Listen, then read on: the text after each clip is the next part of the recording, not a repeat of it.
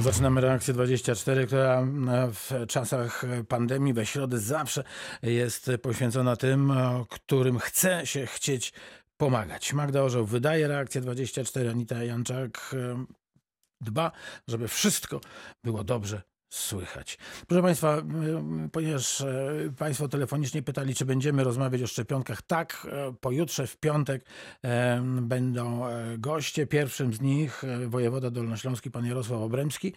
Drugim z nich pan Paweł Wrublewski, prezes Dolnośląskiej Izby Lekarskiej, ale także dyrektor powiatowej stacji Sanepidu we Wrocławiu. Także będą Państwo mogli i wysłuchać wszelkich tych najważniejszych informacji dotyczących organizacji szczepień na Dolnym Śląsku, ale także porozmawiać z panem e, doktorem o samych szczepionkach i o tym, e, jak e, należy się przygotować do tych szczepień, jak to wszystko przebiega.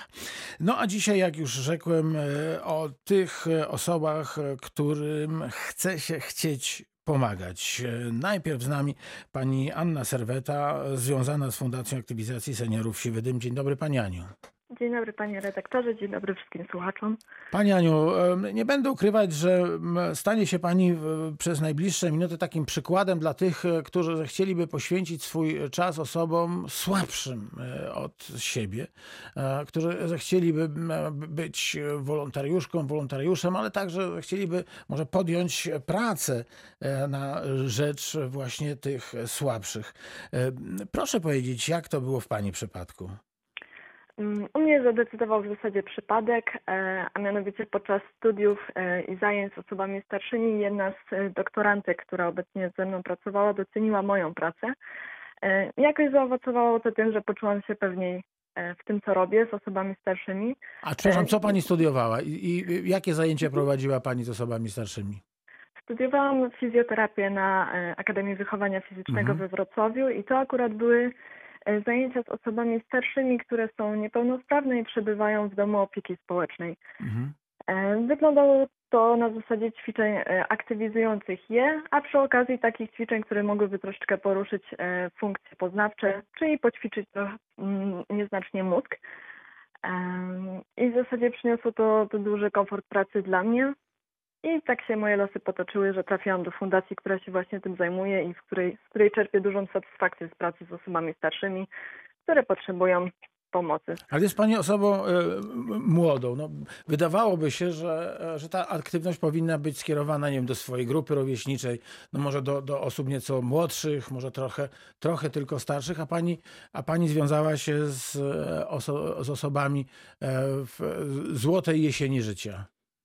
Tak, to tak, określmy. Ćwiczyć, tak, ćwiczyć trzeba w każdym wieku e, i w zasadzie jeżeli jesteśmy młodzi, to, to ten ruch jest taki naturalny dla nas. Natomiast e, wraz z postępującym wiekiem tego ruchu jest w naturalny sposób mniej, a im mniej, tym potem gorzej się czujemy, więc taka aktywizacja e, w tej jesieni życia, jak Pan to ładnie określił, jest tym ważniejsza i, i tym bardziej warto do tego dążyć, żeby i ćwiczyć i znaleźć osoby, które pomogą nam aktywizować się dalej. No właśnie, ta jesień życia może być e, piękna, złota, może być też e, słodna i brzydka i szara. To bardzo wiele przecież e, zależy od, od nas wszystkich, nie tylko od seniorów, ale także od tych, którzy chcą im pomóc. No, pewnie w tej chwili o wiele trudniej jest namówić starsze osoby do ruchu, no bo jednak słyszymy od wielu miesięcy, że powinniśmy utrzymywać dystans, że powinniśmy zostać w domu, że, że wyjście z domu może być niebezpieczne, bo przecież wirusy mogą się e, na nas czaić, nie wiem, w windzie, na klatce schodowej. E, co zrobić? Co by pani mogła powiedzieć tym starszym osobom, albo tym właśnie młodym, które e, przyjeżdżają do swoich mam, babć, cioć, żeby, żeby jakoś pobudzić ich do ruchu, no, choćby we własnym mieszkaniu?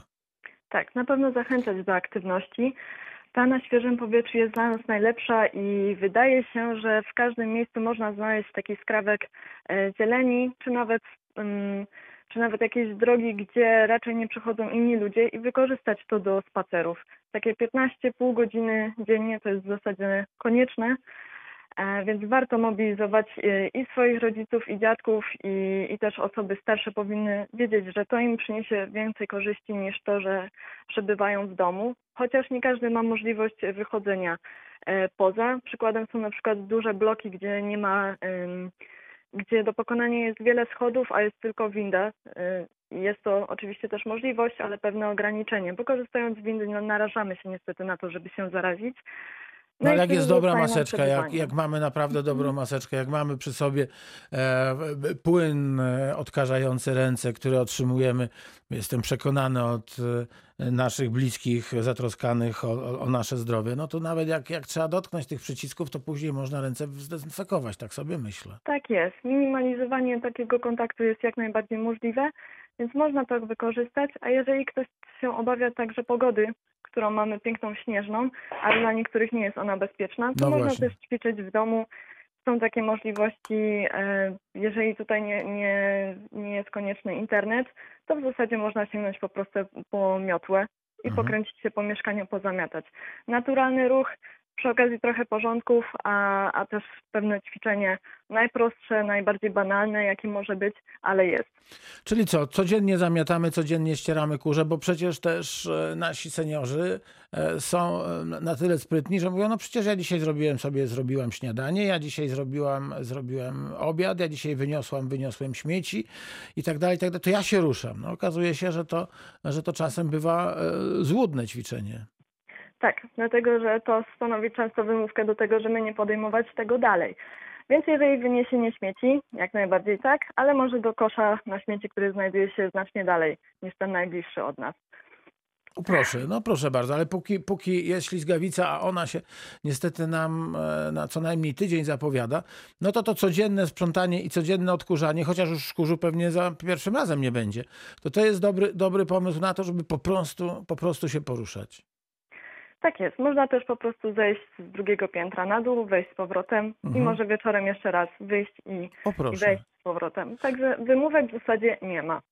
Dlaczego ten ruch jest taki ważny, Pani Aniu? Pytam już, e, pytam już teraz Panią jako fachowca, za chwilę wrócimy do, do, do tej pracy na rzecz, na rzecz e, seniorów. Dlatego, że ruch to nie tylko aktywizacja ciała, ale także i umysłu. A im dłużej siedzimy zamknięci w izolacji, bez możliwości kontaktu z drugą osobą, bez takiej swobody ruchów, które daje nam pójście do sklepu i kupowanie tego, co chcemy w każdym naszym ulubionym sklepie, a nie tylko tym najbliższym. No i spotkanie się z koleżankami, kolegami, którzy też chodzą do sklepu na zakupy. Tak jest. To powoduje, że nasz mózg zaczyna troszeczkę inaczej pracować i tu Czy pojawiają to się... rozleniwia się? Przepraszam, że tak wpadam w słowo. Tak, rozleniwia się, oczywiście. tak? Mówi, Tak, i a, mózg się rozleniwia, ale też to nie wstaje dzisiaj o... z fotela. Tak, ale również funkcje poznawcze, czyli nasza pamięć, Mhm. e, nasza spostrzegawczość, koncentracja uwagi, to wszystko idzie ze sobą w parze razem z ciałem. A naturalne konsekwencje braku ruchu, no to są też zaburzenia w funkcjonowaniu, które się pojawiają, czyli boli nas kręgosłup częściej niż kiedy na przykład pracowaliśmy i się przepracowaliśmy. Wydaje się dziwne, bo przecież cały dzień nic nie robimy, a tu zaczyna boleć. No właśnie kwestia nieruszania się. A to potem potęguje, a no musimy poczekać do końca stycznia, aż wszystkie restrykcje w zasadzie nieznacznie pewnie ustąpią i będzie można wrócić do swobody. Ale to jest Oby. kolejne 15 dni przed nami. Oby, oby, tak, oby tak było, by jak najszybciej e, seniorzy zostali zaszczepieni, nie tylko ci najstarsi, ale także e, ci z e, kolejnymi cyferkami niżej, siódemką, szóstką, jest. piątką, czwórką, chociaż to już nie są seniorzy. Także pójście po szczepienie jest nie tylko dobre ze względu na szczepienie, ale także na możliwość wyjścia, żeby iść się zaszczepić. Pani Anno, no a y, proszę rzec, e, co pani robi w Fundacji Aktywizacji Seniorów Siwy Dym? Aktywizuję fizycznie seniorów, to znaczy prowadzę gimnastykę grupową.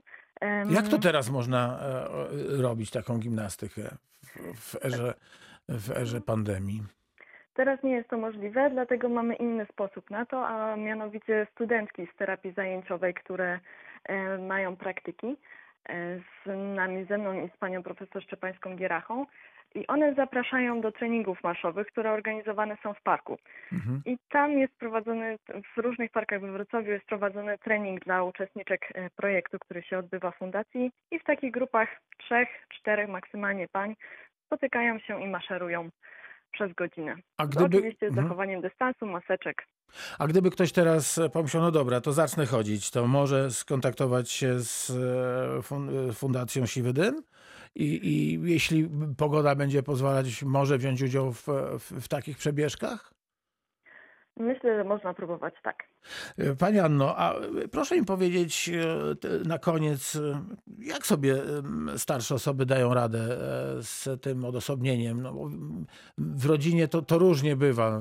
Są, są takie rodziny, w których, to przed chwilą koleżanka mi opowiadała, że, że, że zrobiono rodzinną kwarantannę, żeby się móc spotkać w okresie świątecznym i, i dopiero po tam 7 czy 8 dniach niekontaktowania się ze światem zewnętrznym, a, a mieli Państwo taką możliwość, e, poszli do, do swoich starszych rodziców. No, Ale to, to oddzielenie jest trudne i dla tych e, osób starszych, ale także e, dla tak zwanej młodzieży, tak? bo, bo, no, bo nie ma babci, nie ma dziadka, nie ma cioci.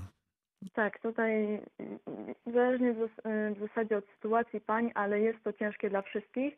I tym, co ja widzę, co je ratuje, to komunikacja telefoniczna. I tutaj Mhm. warto by było zaznaczyć, że jeżeli są wnuczki, wnuczkowie i, i dzieci osób starszych, to powinni zadbać o to, aby osoba starsza nauczyła się korzystać e, z WhatsAppa e, czy z, z Skype'a, z jakichś programów, które umożliwiają też zobaczenie drugiej osoby.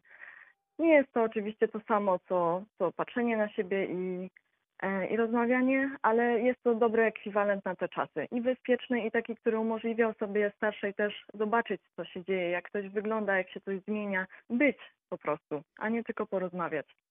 Trochę, trochę, trochę częściej niż zwykle. Oczywiście, że tak. Wie pani- Rozmowa telefoniczna też dużo daje, ale Mhm. są też lepsze metody.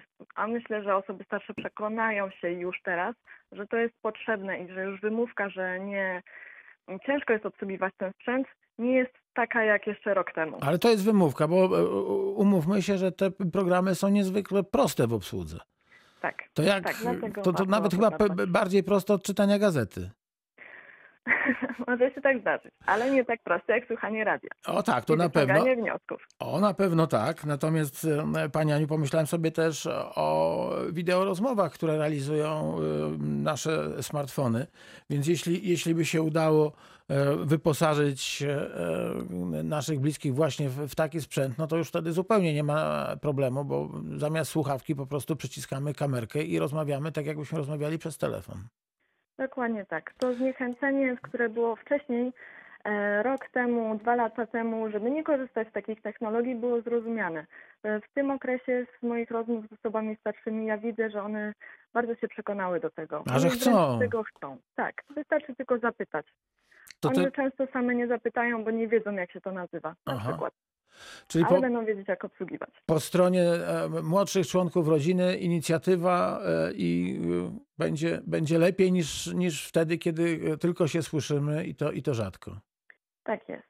Ten czas świąt był Mhm. trudny, bo faktycznie dużo osób się izolowało. Niektóre panie musiały spędzić czas samotnie.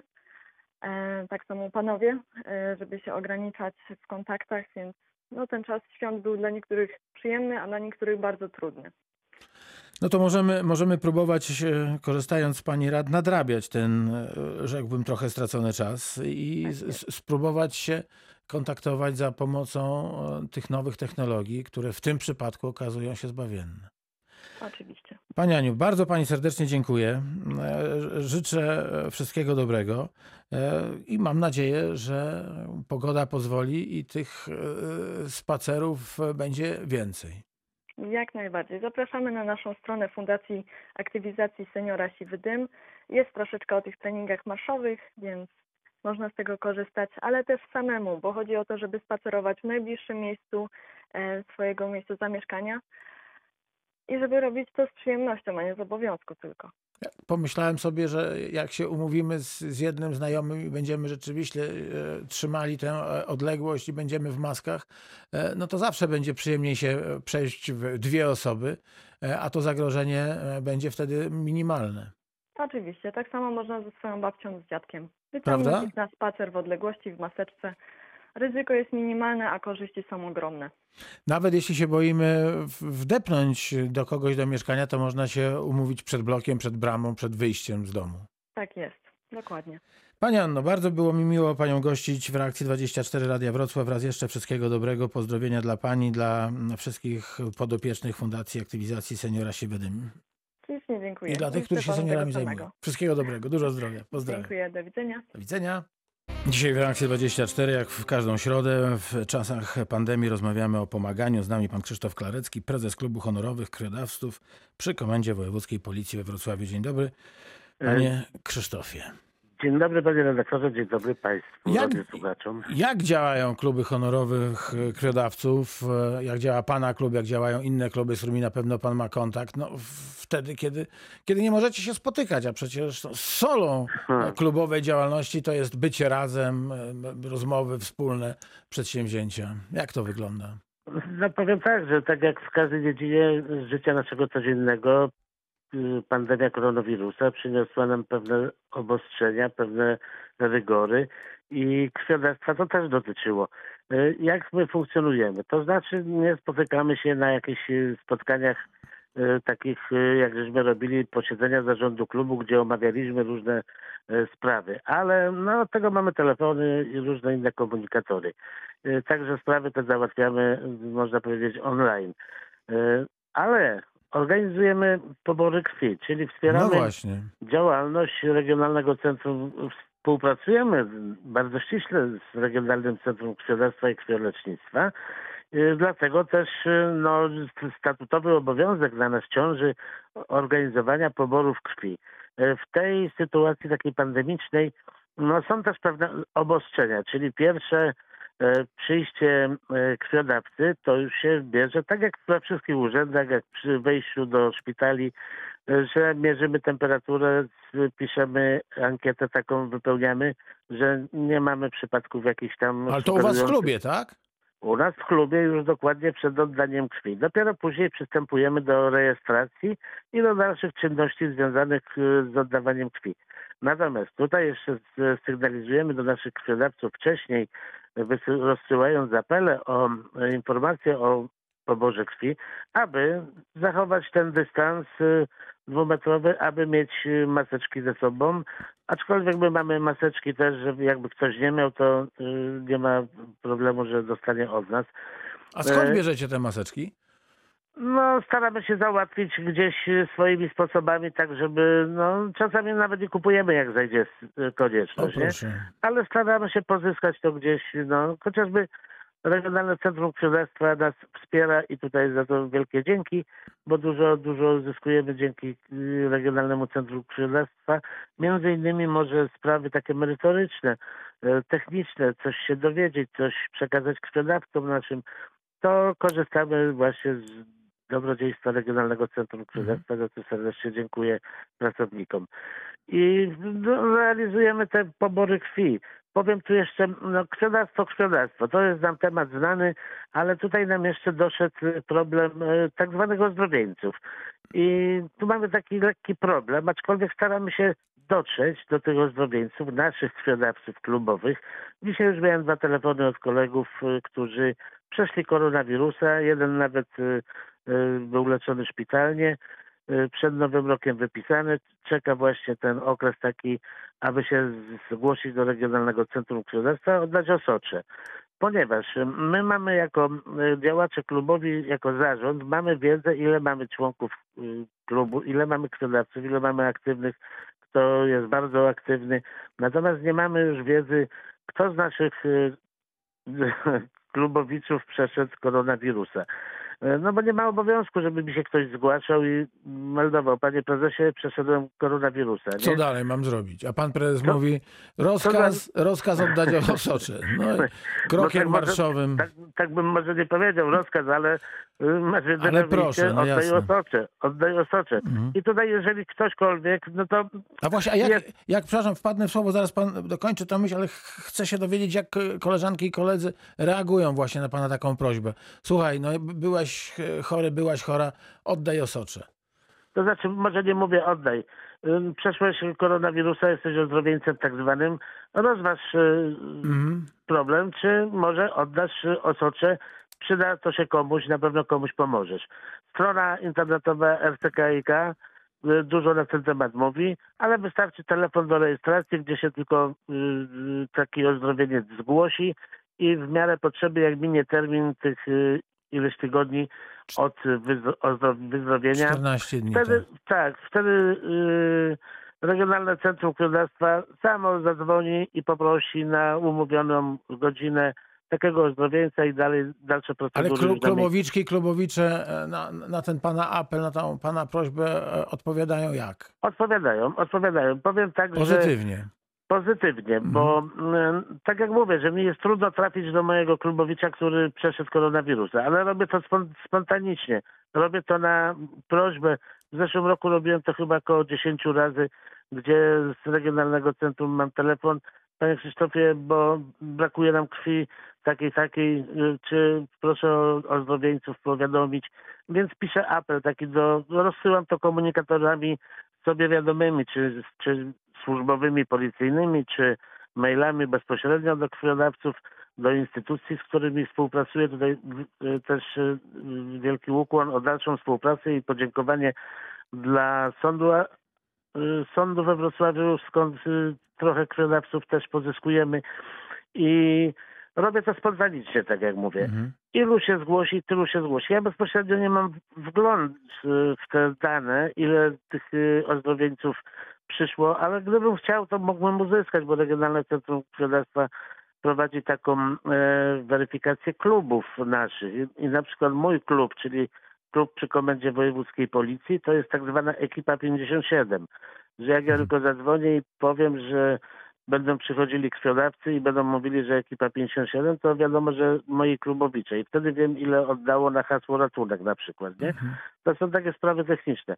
Ale tutaj, tak jak mówię, bardzo miło nam się układa współpraca z Regionalnym Centrum Krwiodawstwa, z Betorgiem, z paniami i za to jeszcze raz dziękuję. No dobrze, a proszę mi powiedzieć w takim razie, e, gdyby ktoś zechciał w tej chwili, w czasach pandemii, e, do was dołączyć, no bo oddał osocze, e, a nigdy wcześniej nie oddawał krwi, i pomyślał, no dobra, to może jednak będę się dzielił tą krwią.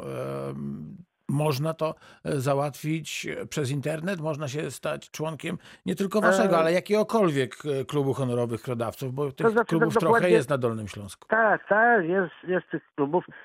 Tak dokładnie nie będę odpowiadał za inne kluby, bo nie wiem, jak inni moi koledzy sobie układają współpracę ze swoimi krwiodawcami, ale powiem, jak jest u mnie. Mhm. że na przykład dostaje informację od policjanta, który niedawno się przyjął, wie, że jest klub, chciałby się do klubu zapisać. Nie ma sprawy, podaj mi kolego maila, wysyłam deklarację wstąpienia do klubu, yy, gość wypisuje, podpisuje, skanuje, przysyła mi z powrotem i jest moim yy, członkiem klubu. I sprawa załatwiona. Sprawa załatwiona. Ja Mam jego maile, przy okazji jak yy, organizuję pobór krwi w klubie, wszystkie maile, yy, które mam dostępne, powiadamiam kolegów, to jest taka sprawa łańcuszkowa, bo jeden drugiemu później gdzieś to przekaże, ktoś kogoś zaprosi i na tej zasadzie przychodzą koledzy, oddają krew. Jak e, pan myśli, w innych klubach honorowych krwiodawców jest e, podobnie? Jest podobnie, bo z tymi kolegami, prezesami klubów, z którymi mam kontakt, czy we Wrocławiu, czy na Dolnym Śląsku, to koledzy w, podobny sposób sobie organizują e, taką siatkę informacyjną, że tak powiem, Mhm. bo no nie ma e, obowiązku jakiegoś kadrowego, czy w policji, czy, czy na kopalni e, miedzi, czy gdziekolwiek, żeby nowo przyjęty, czy, czy zwalniający się podpisywał obiegówkę w klubie honorowych dawców krwi. Dlatego my nie mamy wiedzy, bo ja na przykład wiem, że mam e, 240 parę członków klubu, ale nie wiem, czy za miesiąc Nie 10 będzie nie 300 od- na przykład. czy będzie 300, czy może będzie e, 180, Nie, nie, bo bo, bo, bądźmy optymistami, będzie 300. No, Mniej nie najlepiej będzie. Ale tak, ale ludzie cały czas jest ruch kadrowy. Ludzie przychodzą No jasne, do pracy, wiadomo. ludzie odchodzą z pracy. I ta liczba jest cały czas e, wahająca się, nie? Ale optuje w granicach 250 członków klubu. Wie pan, patrzę teraz e, na stronę Wrocławskiego Regionalnego Centrum Krwiodawstwa i Krwiolecznictwa i widzę, że jeśli chodzi o krew z plusem, to tutaj stany są e, fajne. E, Natomiast jeśli chodzi o krew RHD minus, to A, B i 0 um, pulsują kropelki i jest e, tylko tej krwi na dnie, wysoki stan tylko e, Tak. w e, AB, w grupie AB. Proszę mi powiedzieć, często mają Państwo taką prośbę od krwiobiorców, żeby, żeby ich wspomagać, no bo jednak To ten normalny powiem- rytm został zaburzony. Tak, może powiem tak, że najczęściej to mamy informacje z Regionalnego Centrum Krwiodawstwa, żeby uczulić swoich y, krwiodawców w klubie, aby przychodzili oddawać krew, bo brakuje Czy nam jesteście w takiej- stałym takiej- kontakcie? w stałym kontakcie. Panie dzwonią. Tak jak powiedziałem przed chwilą, że w zeszłym roku około 10 razy wychodziłem z apelem takim otwartym do krwiodawców, y, agitując do oddawania krwi. No, patrzę teraz na Regionalne Centrum Krwiodawstwa i Krwiolecznictwa, raczej na stronę e, tego centrum w Wałbrzychu i tutaj sytuacja wygląda e, Jeszcze gorzej. Jeszcze gorzej, tak, bo w, w, Tak. oprócz e, BRH Plus i ABRH Plus Tak. wszystkie kropelki mają no, Suche dno można powiedzieć. o tak, pięknie to pan powiedział. No, Ma, mają suche dno, tylko tak, taka mała czy, czy, czerwona kropelka gdzieś tam się Tak, e, wczoraj zresztą w telewizji nawet był taki urywek był we faksach chyba na zapałenie, że o krwiodawstwie i tam z panie dyrektorki z Łodzi, skądś tam jeszcze i między innymi z Wałbrzycha y, się wypowiadała, że jest bardzo tragiczna sytuacja w Wałbrzychu z krwią. Proszę powiedzieć w takim razie, e, gdyby ktoś zechciał tę, tę krew e, oddać, to oczywiście do Regionalnego Centrum, do klubu krwiodawców, bo przecież można się dowiedzieć, gdzie jest jakiś, jakiś najbliższy. E, To znaczy Tylko tak. czy to jest bezpieczne? Czy, czy mogą... Bo, bo ci, którzy oddają kre- krew na co dzień, pewnie wiedzą, że, że jest okej. Natomiast jakby pan przekonał kogoś, kto teraz nas słucha i pomyśli sobie, no dobrze, to ja mam, ja mam grupę minus zero, dobrze, jak nie ma, to Tak. ja bym poszedł oddać, ale ja się boję, bo może im się tam coś stać, bo mogą mnie zakazić, bo, bo i tak dalej. E, Powiem, e, generalnie powiem tak, że wszystkie materiały użyte do poboru krwi, czy do poboru płytek, czy osocza, są to e, materiały jednorazowe, sterylne i nie ma obawy, że przy tym można się nabawić jakiegoś innego zakażenia. Ja z kilkudziesięcioletniej swojej działalności jako krwiodawca mogę Państwa zapewnić, że jest to proces bezpieczny, bo gdyby w- przy okazji pandemii byłoby to niebezpieczne dla krwiodawcy, na pewno organizator poborów krwi, czyli Regionalne Centrum Krwiodawstwa, nie narażałoby krwiodawcy, krwiodawcy, który nie oddaje raz, a może 10, 20, 30, jest dla Regionalnego Centrum tym, który zasila w krew. Mhm. Nie, po pierwsze, nie szkodzić, po drugie, robić to tak, żeby e, do świadomości krwiodawcy trafiało, że jesteś kolego czy koleżanką bezpieczny, nie ma się czego bać. Tutaj powiem tak ze swojego domowego podwórka, e, że namówiłem swoją córkę, która ma zorówkę ujemną, zawsze się bała igły, ale się zdecydowała i już oddała dwa razy krew i już została zakwalifikowana na separator płytkowy. Teraz e, w styczniu czy w lutym jak pójdzie, to już odda płytki. I powiem, jest to dla mnie satysfakcja, że kogoś namówiłem, że komuś coś pomogłem. Y, Jest to satysfakcja na pewno też dla krwiodawcy, który te- tych 8-10 minut jak leży i ta krew mu y, płynie, to na pewno sobie pomyśli, gdzie ta krew później idzie, co z tą krwią się dzieje. No na pewno część idzie do, na jakiś przerób, nie? bo są y, preparaty krwiopochodne, i, ale najczęściej pełna krew idzie bezpośrednio do osoby, która ją potrzebuje. I jeżeli oddajemy tę krew, to chciałbym, żebyśmy mieli świadomość, że ta moja krew komuś y, pomoże, to, a może nawet komuś uratuje życie. Taką świadomość, z taką świadomością trzeba przystępować do oddawania krwi. Panie Krzysztofie, gratuluję panu bardzo serdecznie e, pana domowego sukcesu, bo ten pewnie jest niezwykle ważny, ale też tego, że tak bardzo pięknie pan się angażuje w pracę klubu honorowych krwiodawców e, przy Jest Komendzie Wojewódzkiej Policji we powiem. Wrocławiu. Przede wszystkim satysfakcja, bo to Czy- nic, y, nic A więcej. tego się tylko- nie kupi, nie? To się nie, nie, nie da się za kupi pieniądze ludzkiego kupić. zaufania, ludzkiej wdzięczności, czy, czy samo to, że mogłem komuś pomóc, pomogłem, prawda? Fantastycznie. Bardzo panu dziękuję za to świadectwo w pozdrawiam. reakcji I 24 Radia zapraszam Wrocław. do oddawania krwi. Wszystkiego Dziękuję dobrego. Pozdrawiam. Wszystkiego miłego. Ukłony. Teraz w reakcji 24 Radia Wrocław witam pana Edwarda Świątkowskiego, kierownika referatu Służby Patrolowej Straży Miejskiej w Świdnicy. Dzień dobry. Witam pana redaktora, witam serdecznie radiosłuchaczy. Zapytam o to, w jaki sposób i czy w ogóle Straż Miejska e, w Świdnicy w czasach e, pandemii e, stara się pomóc tym, którzy, no, którzy tej pomocy chyba, tak mi się przynajmniej wydaje, potrzebują najbardziej, czyli bezdomnym. E, bezdomni, ale i nie tylko bezdomni. E, Początek, początek tego okresu pandemii e, chyba wszystkich nas zaskoczył. Nikt się nie spodziewał takiego rozwoju sytuacji. My już od e, marca troszeczkę zmodyfikowaliśmy naszą pracę. E, Oczywiście osoby bezdomne były objęte taką szczególną, szczególnym zainteresowaniem naszych funkcjonariuszy. Dlaczego? Dlatego, że te osoby w większości przypadku nie miały żadnej świadomości, co się dzieje. One były odcięte całkowicie medialnie, więc No wielokrotnie... dobrze, ale wie pan, przepraszam, ale jed- jedna pani drugiej pani, jeden pan drugiemu panu, czyli poczta pantoflowa nie działała? Tak, poczta pantoflowa działała, ale nośnikami tej poczty pantoflowej byli również strażnicy. E, Momentalnie, kiedy tylko pojawiły się takie potrzeby, zaczęliśmy te osoby bezdomne e, zaopatrywać w maseczki, o które było na początku bardzo, bardzo trudno.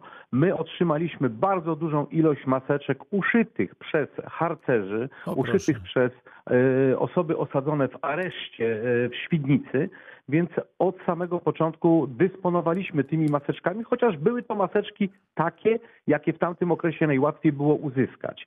Więc to wszystko trafiło do osób potrzebujących, nie tylko do bezdomnych, bo zaopatrywaliśmy też i przechodniów, i pasażerów autobusów, i osoby, które w sklepach nie miały tych maseczek, więc tutaj żeśmy działali z tej strony. Dobrze, panie Edwardzie, to, to Oczywiście- ja tylko wpadnę panu w słowo. Przepraszam, że przerywam, ale chciałbym dopytać.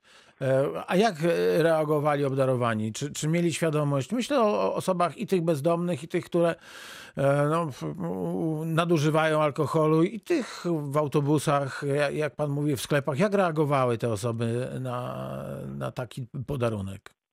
Czyli reakcje zazwyczaj były bardzo pozytywne, chociaż no, niestety spotykaliśmy się też y, z grupą y, osób, które zdecydowanie no, jakby były przeciwne tym wszystkim restrykcjom, kwestionowały istnienie w ogóle czegoś takiego jak pandemia, ale to były sporadyczne przypadki. W większości osoby były zadowolone, ponieważ ja mówię, ten początkowy okres to był okres, kiedy ciężko było się zaopatrzyć. My nawet w straży mieliśmy problemy z zaopatrzeniem naszych funkcjonariuszy w środki ochrony osobistej. Niemniej jednak wszystko to się jakoś udało przejść. W tej chwili już takich problemów nie ma.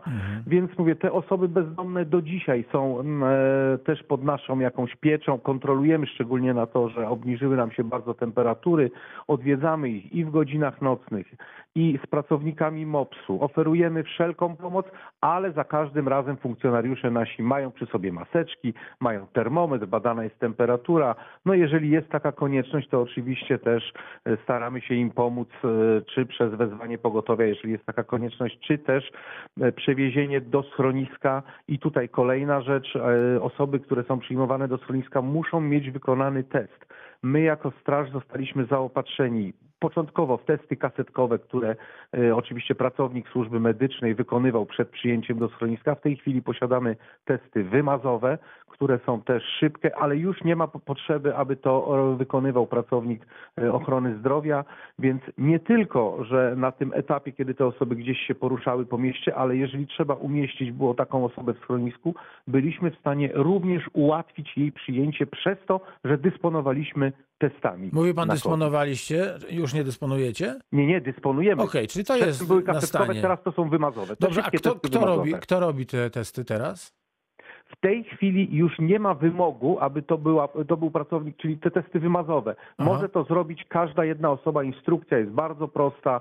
E, Robią to zazwyczaj pracownicy schroniska. My dostarczamy te testy, ale jeżeli byłaby taka potrzeba, funkcjonariusz, każdy funkcjonariusz jest w stanie przeprowadzić taki test bez problemu. Panie Edwardzie, no pan jako szef referatu służby patrolowej, czyli tych wszystkich e, strażników miejskich, którzy są na pierwszej linii, e, w jaki sposób przekonywał e, koleżanki i kolegów do tego, żeby, no żeby właśnie e, e, pójść w te miejsca potencjalnie niosące ze sobą zagrożenia, żeby jak trzeba to wykonać taki test. To, to nie są codzienne zadania służby patrolowej Straży Miejskiej.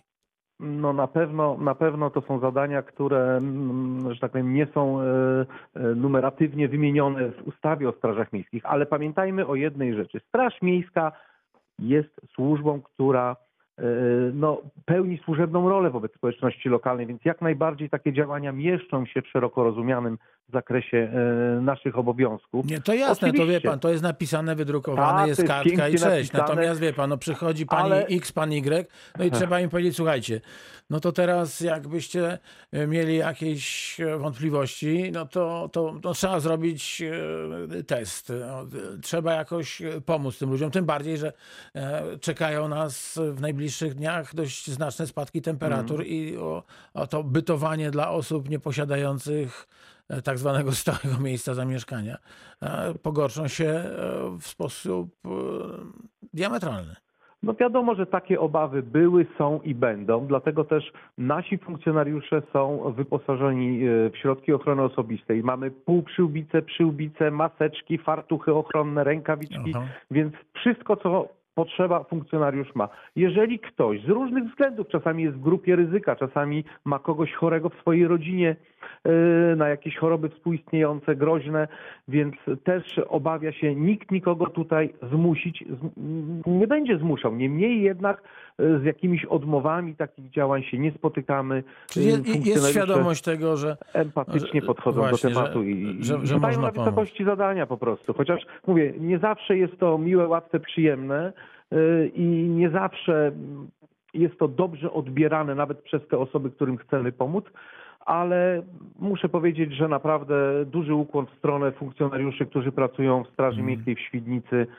Robimy wiele rzeczy, wiele rzeczy takich, które mm, no, naprawdę wykraczają poza zakres naszych codziennych obowiązków. Sytuacja jest nadzwyczajna i ona wymaga od nas też nadzwyczajnych działań. No dobrze, to już wiemy, że w sposób nadzwyczajny państwo się zajmują osobami bezdomnymi. Co jeszcze e, Straż Miejska No, robi, żeby się- było nam łatwiej żyć? Pojawił się oczywiście w tej takiej początkowej fazie bardzo duży problem z osobami starszymi. Yy, Były apele, aby te osoby nie wychodziły z domu, aby pozostawały w miejscach zamieszkania. No dalej, dalej się o to apeluje, już Tak, może nie aż tak dalej też mocno, ale jednak, apele, jednak ale prosi się te starsze W osoby o początkowej ograniczenie. fazie brakowało jeszcze aktywności. jakby takich uzgodnień organizacyjnych, więc osoby, które przykładowo w Świdnicy miały zorganizowane e, żywienie zbiorowe, więc tym osobom dowoziliśmy e, posiłki do domu po to, żeby one nie musiały wychodzić z domów, a niektórym osobom po prostu było bardzo ciężko wyjść, więc zanim ruszyły już takie zorganizowane systemy dostarczania tych posiłków, robili to nasi funkcjonariusze, Mhm. E, Oczywiście. Robiliśmy też w sytuacjach, kiedy była taka potrzeba zakupy dla tych starszych osób. Czasami trzeba było płacić jakiś rachunek pilny. Wiadomo, te osoby nie miały takiego, takiej możliwości e, robienia tego za pośrednictwem ba- bankowości elektronicznej, więc w takich sytuacjach również nasi funkcjonariusze się sprawdzali i również e, działaliśmy sami z e, pracownikami socjalnymi. Tutaj bardzo duża współpraca z naszym MOPS-em w tym zakresie jest i nie tylko z innymi organizacjami. Także cały czas działamy w tym zakresie, cały czas czuwamy nad osobami starszymi i muszę powiedzieć, że pojawił się kolejny problem, który nas, e, który wcześniej nie występował w tej skali, a mianowicie osoby starsze, niepełnosprawne, które gdzieś w domu nagle zasłabną, upadną, spadną z łóżka, spadną z wózka inwalidzkiego, mieszkanie zamknięte, nie ma kontaktu z rodziną. Co zrobić? Trzeba pomóc. Tutaj też mieliśmy kilka takich przypadków. Na szczęście w każdym jednym z tych przypadków udało się taką osobę uratować i wszystko skończyło się szczęśliwie. A w tej chwili e, co robi Straż Miejska w Świdnicy e, dla tych, którzy e, są doświadczeni przez pandemię koronawirusa? Czyli tak, na chwilę obecną troszeczkę zmodyfikowaliśmy nasze działania, jeżeli chodzi o osoby bezdomne. No, To znaczy? Funkcjonariusze na zmianie drugiej, na zmianie trzeciej no, są wyposażeni również po prostu w termos z ciepłą herbatą. Jest to, jest to takie pewne nowum, ale czasami po prostu tym osobom ten kubek ciepłej herbaty bardzo, bardzo pomaga. Yy, Nadal odwiedzamy, nadal kontrolujemy, nadal proponujemy udzielenie im pomocy, umieszczenie w schronisku. Więc tutaj e, po prostu te działania cały czas idą w tym kierunku. Jeżeli chodzi już o dostarczanie żywności dla osób starszych, zostało to już e, uregulowane, już w tej chwili tym się nie zajmujemy, chociaż jeżeli mamy pojedynczy jakiś przypadek, gdzie trzeba pilnie coś załatwić, oczywiście jesteśmy do dyspozycji. Czyli jeśli e, ktoś e, w Świdnicy będzie potrzebował pomocy, no znajdzie się w sytuacji, którą trudno teraz wyreżyserować, ale która dla niego jest e, bardzo niekomfortowa, może zadzwonić do Straży Miejskiej, poprosić o pomoc, powiedzieć, że, że, że, że czegoś mu brakuje, że coś mu dolega i wtedy postarają się Państwo mu pomóc albo skierować tę, tę pomoc, która już systemowo działa w, w Świdnicy? Oczywiście, jeżeli nawet sami nie będziemy Jesteście w stanie deską rozwiązać ratunku? problemu, Właśnie, o tym, o tym mamy różnego rodzaju e, kontakty właśnie z instytucjami, które niosą pomoc e, w takich przypadkach, ale, ale dla wszelkiego przypadku posiadamy też pewien zasób żywności, który otrzymaliśmy z Banku Żywności, który w sytuacjach naprawdę nagłych, w sytuacjach takich jakichś kryzysowych możemy przeznaczyć właśnie na zaopatrzenie takie żywnościowe takich osób czy jakichś innych osób, które po prostu w danym momencie no nie mają co jeść. Bardzo dziękuję. Pan Edward Świątkowski, kierownik referatu Służby Patrolowej Straży Miejskiej w Świdnicy, był Państwa gościem w Reakcji 24. Pozdrowienia dla strażników, dla świdniczanek i świdniczan też na Pana ręce. Od Radia Wrocław. Wszystkiego Dziękuję dobrego. bardzo. Wszystkiego do dobrego. Z nami jest Pan Waldemar Forysiak, zapowiadany z Straży Miejskiej e, we Wrocławiu. Dzień dobry. Dzień dobry, witam. E, No i tak to w życiu bywa, że e, dzisiaj nie zdążymy porozmawiać o tym, w jaki sposób e, Straż Miejska we Wrocławiu pomaga w czasie COVID-19. Jeśli pan pozwoli, to, to umówmy się na pierwszą rozmowę za tydzień. O te, po 12 byśmy, byśmy o tym powiedzieli, bo bardzo wiele takich budujących przykładów pomocy funkcjonariuszy Straży Miejskiej, tym, którzy tej pomocy w erze COVID-19 potrzebują, jest. I warto o tym Oczywiście. mówić. Dziękuję za to, że był Pan dzisiaj z nami. E, Przepraszam, e, że, że, że tak, ale sądzę, że za tydzień będziemy mieli więcej czasu, żeby o wszystkim porozmawiać. Pozdrawiam serdecznie e, i Pana funkcjonariuszy i wszystkiego, wszystkiego dobrego zdrowia życzę Państwu. Bardzo dziękuję, do usłyszenia. Dzięki bardzo, do usłyszenia. Proszę Państwa, z, i w ten sposób kończymy reakcję 24 e, dzisiaj. Natomiast za chwilę z Andrzejem Andrzejewskim zaproszę Państwa, no to się Państwo przekonają gdzie.